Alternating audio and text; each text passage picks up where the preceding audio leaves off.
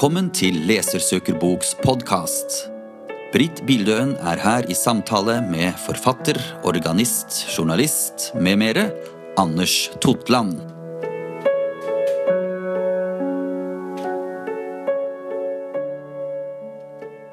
Da jeg møtte deg første gang, så var du i Åsentunet for å ta imot Nynorsk litteraturpris for boka 'Engel i snøen'.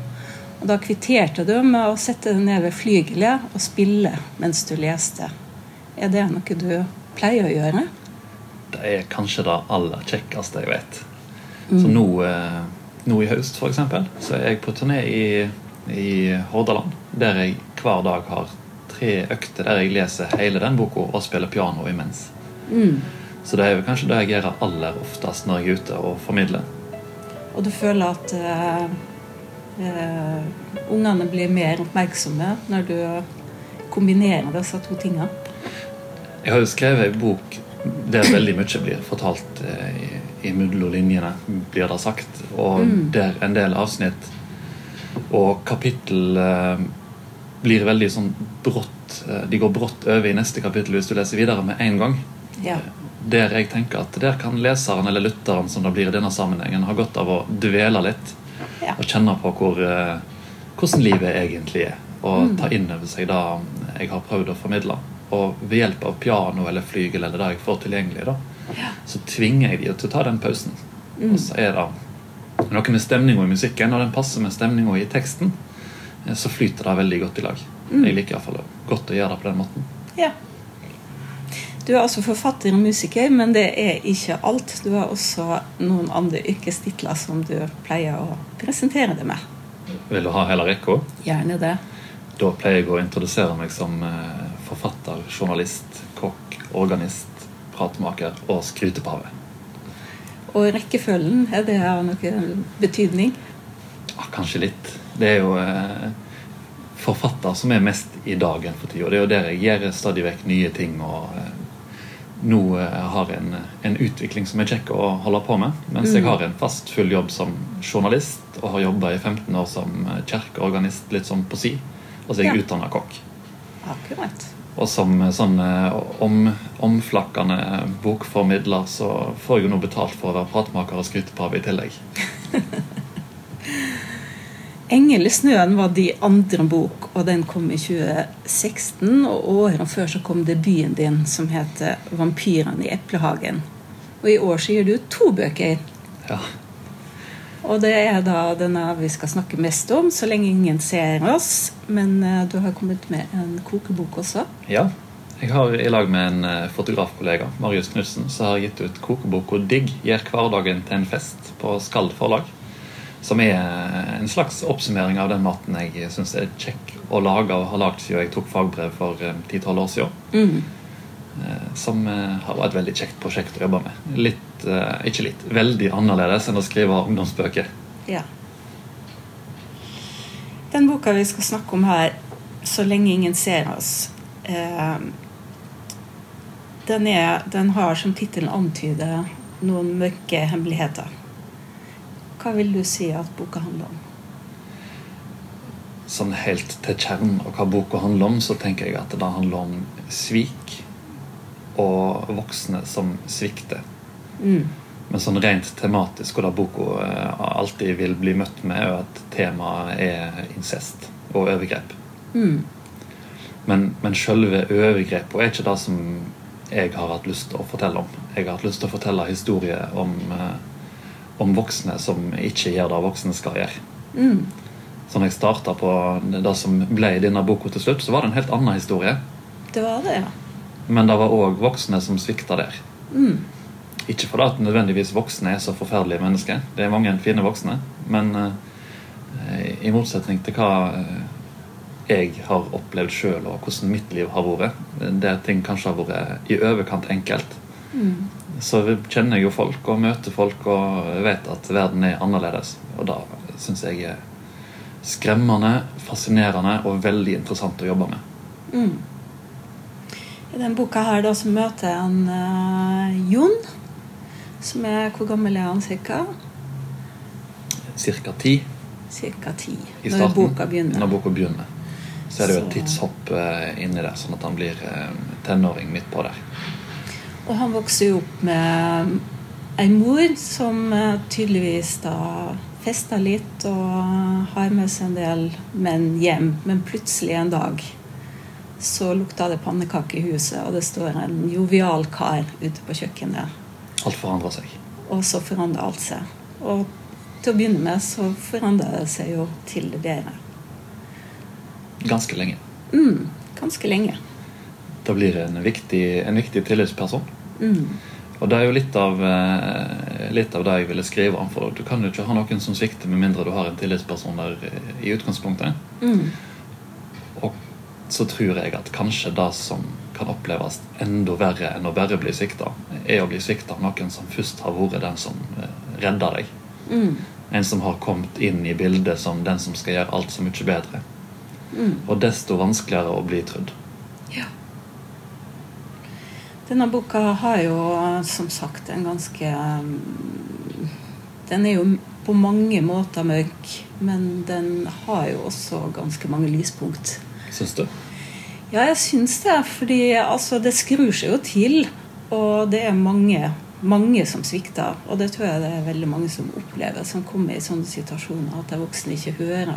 Og men du har jo på en eller annen måte klart å lage en slags eh, slutt som peker fremover mot eh, en Ja, at eh, kanskje ting rettes opp, da, etter Mm. hvert. Og det er jo noe som jeg syns er ganske fint når en skriver for ungdom. Det er jo ikke alltid det går så bra. Men uh, samtidig så er det viktig å vise at det fins noen der, hvis man snakker, som kan være støttespillere. Som Mm. kan hjelpe deg ut av det.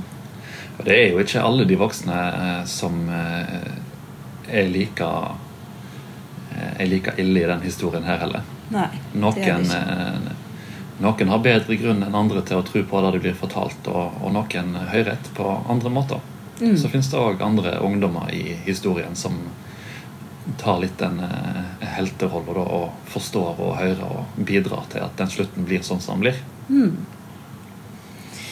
Jeg tenker altså, Du har reist en del rundt og snakka med skoleunger om 'Engel i snøen'. Eh, som for å si det ganske enkelt handler om sykdom og død. Så det er en mørk bok, det òg, på mange vis. Eller om vennskap, som jeg ville sagt. Ja. Nå skal du sikkert snart turnere med denne nye boka, som handler om overgrep. Og i boka så Jeg vil si at du behandler det temaet på en veldig fin måte. Fordi at eh, det er veldig lett å skjønne hva som skjer, men du er ikke direkte konfronterende i boka. Men jeg tenker når du skal reise rundt nå og snakke med skole og unger og ungdom om denne boka, så blir det kanskje litt mer sånn konfronterende. Har du tenkt på hvordan det er vil være å presentere denne boka her? Og har du, hva slags erfaring har du med å snakke med ungdom om vanskelige ting? Jeg har tenkt kjempemasse på det. Du har det, Og jeg tror det blir fryktelig vanskelig. For Mm. erfaringen min med 'Engel i snøen', og spesielt da det opplegget der jeg spiller piano og leser hele boka, Mm. er at det fins nesten ikke ei forsamling der ikke en voksen eller en ungdom går grinende ut av rommet eller knekker litt sammen i salen. Nettopp. Og eh, om det er gjenkjennelse, eller om en bare er veldig sentimental, eller hva som gjør det, det vet jo ikke jeg.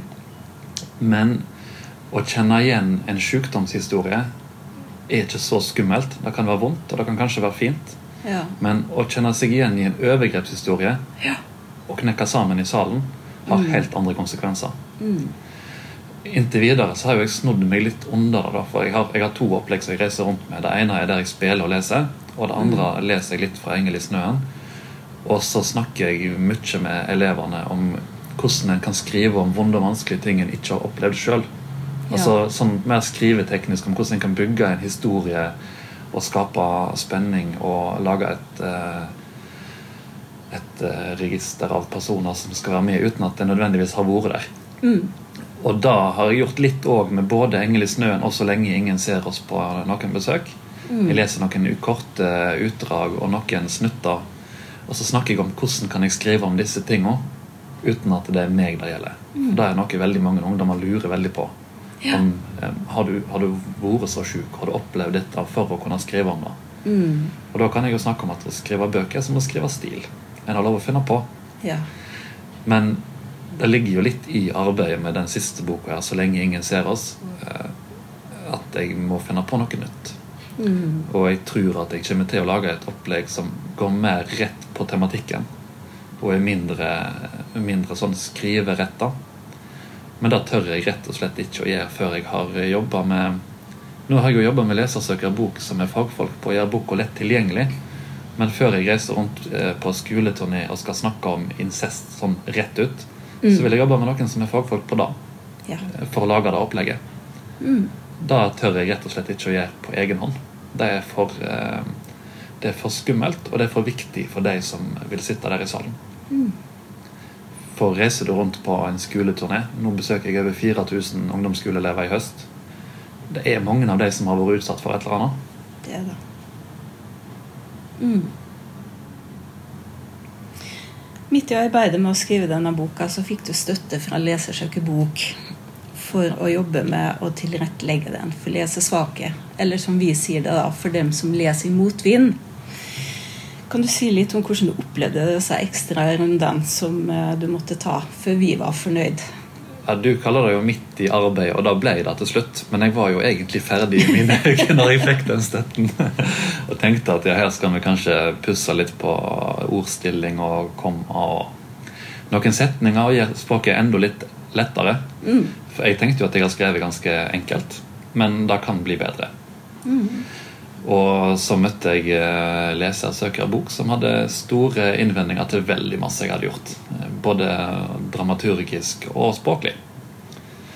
Så jeg måtte gå noen runder med min redaktør eh, Nina for å finne ut om vi egentlig var interessert. Ja, det kan jeg tenke. Og så, og så fant vi jo ganske kjapt ut, og i alle fall jeg, at når noen på det tidspunktet, der jeg tenkte at jeg var nesten ferdig, har så mange sterke meninger og er villig til å bruke tid og krefter på å forandre det, så det er veldig greit å i alle fall gå noen runder og se hva som er å hente, før det er bokmelderne som skal gi de tilbakemeldingene. Og så syns jeg jo at boka ble mye bedre. Mm. Ellers ville jeg ikke gjort det. Nei.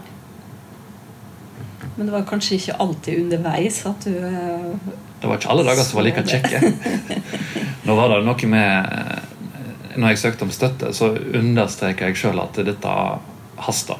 Ja. For boka skulle ut i år. Eh, helst på forsommeren var planen. Nå ble det på tidlig høst. Men at det skulle bli ei 2019-bok, var ikke aktuelt for min del. Så vi måtte jobbe fort. Og når jeg da fikk tilbakemelding fra leser og søker bok, eh, og jobba med det en kveld og kanskje neste morgen og sendte tilbake igjen mitt neste utkast, så var jeg kanskje ikke alltid innstilt på at det skulle gå fullt så fort. Så enda opp med at jeg fikk jobbe med to forskjellige lesersøkerbok òg.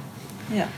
Og da hadde jeg én redaktør og to lesersøkerbokkonsulenter som mente tre forskjellige ting innimellom. ja. Og så skulle jeg skrive noe. Og det var interessant og lærerikt. det kan du si. Opplever du at det er stor forskjell i måten å tenke og jobbe på når du skriver eh, lettlest? Nei. Nei. Men det kan jo henge sammen med at jeg aldri har skrevet tunglest. Nei. På en dårlig dag som journalist så gjør jeg nok det. Mm. Når jeg skriver av sakspapir og, og gjør en slett jobb, eh, så vil leserne i avisa òg tenke at eh, dette her er jo vanskelig å forstå. Ja. På en god dag så skriver jeg jo lettest der òg. Og eh, av, av bøkene du nevnte nå, det er fire jeg har gitt ut til nå, så er det jo ingen av de som har vanskelig tekst. Nei. Det er lite tekst, og det er relativt lett tilgjengelig. Mm. Og, og selv om jeg ikke hadde noe støtte fra Lesersøker bok til Engel i snøen, eh, der var det jeg og redaktøren som gjorde det alene, Mm. så vil jeg påstå at den òg er relativt lettlest. Ja. Den har jo òg blitt anbefalt av Lesersøker bok. Det har den. Med så mange jern i ilden er det vanskelig å få tid nok til å skrive. Det er mest vanskelig å få tid til å være med ungene. Ja. For eh, skrive gjør jeg på kveldstid. Mm. Og, og sånn som nå har jeg en seks-sju ukers periode der jeg er på reis hele tida. Og når en har tre unger og, og jobb og forpliktelser til vanlig, så er det å være på turné det er masse, masse skrivetid. Mm. For da er det ingen oppvask. Nei, det Og det er ingen fotballtrening som skal følges på. Jeg har fri hele ettermiddagen. mm. Så veldig mange prosjekt som jeg, ja, De prosjektene jeg holder på med nå, kommer jeg veldig langt med når jeg er på reis. Mm. Men i hverdagen så har jeg jo ingen skrivetid. Jeg er på jobb fra morgen til ettermiddag, og så har jeg familie, og så kan jeg skrive når det har lagt seg. Mm. Jeg skriver helt som natta. Hva slags prosjekt er det du, jobber med nå, da? Nå jobber jeg med ei eh, sakprosabok eh, for Mm. ungdom, som kommer ut neste år. Ja. Og så jobber jeg med en ungdomsroman som forhåpentligvis kommer ut neste år. Mm. Og så har jeg et par eh, prosjekt til som er litt mer diffuse. Jeg har lært at en skal, ikke, en skal helst ikke fortelle om noe ting før framsida er klar. Men da, da får ikke jeg til. Nei, sånn er det altså. Ja. Så jeg, har, eh, jeg håper at eh, det kommer ut en plass mellom ei og fire bøker neste år. Wow. Men minst ei, da. For den er jeg omtrent ferdig med.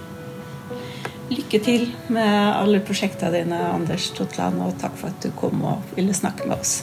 Sjøl takk.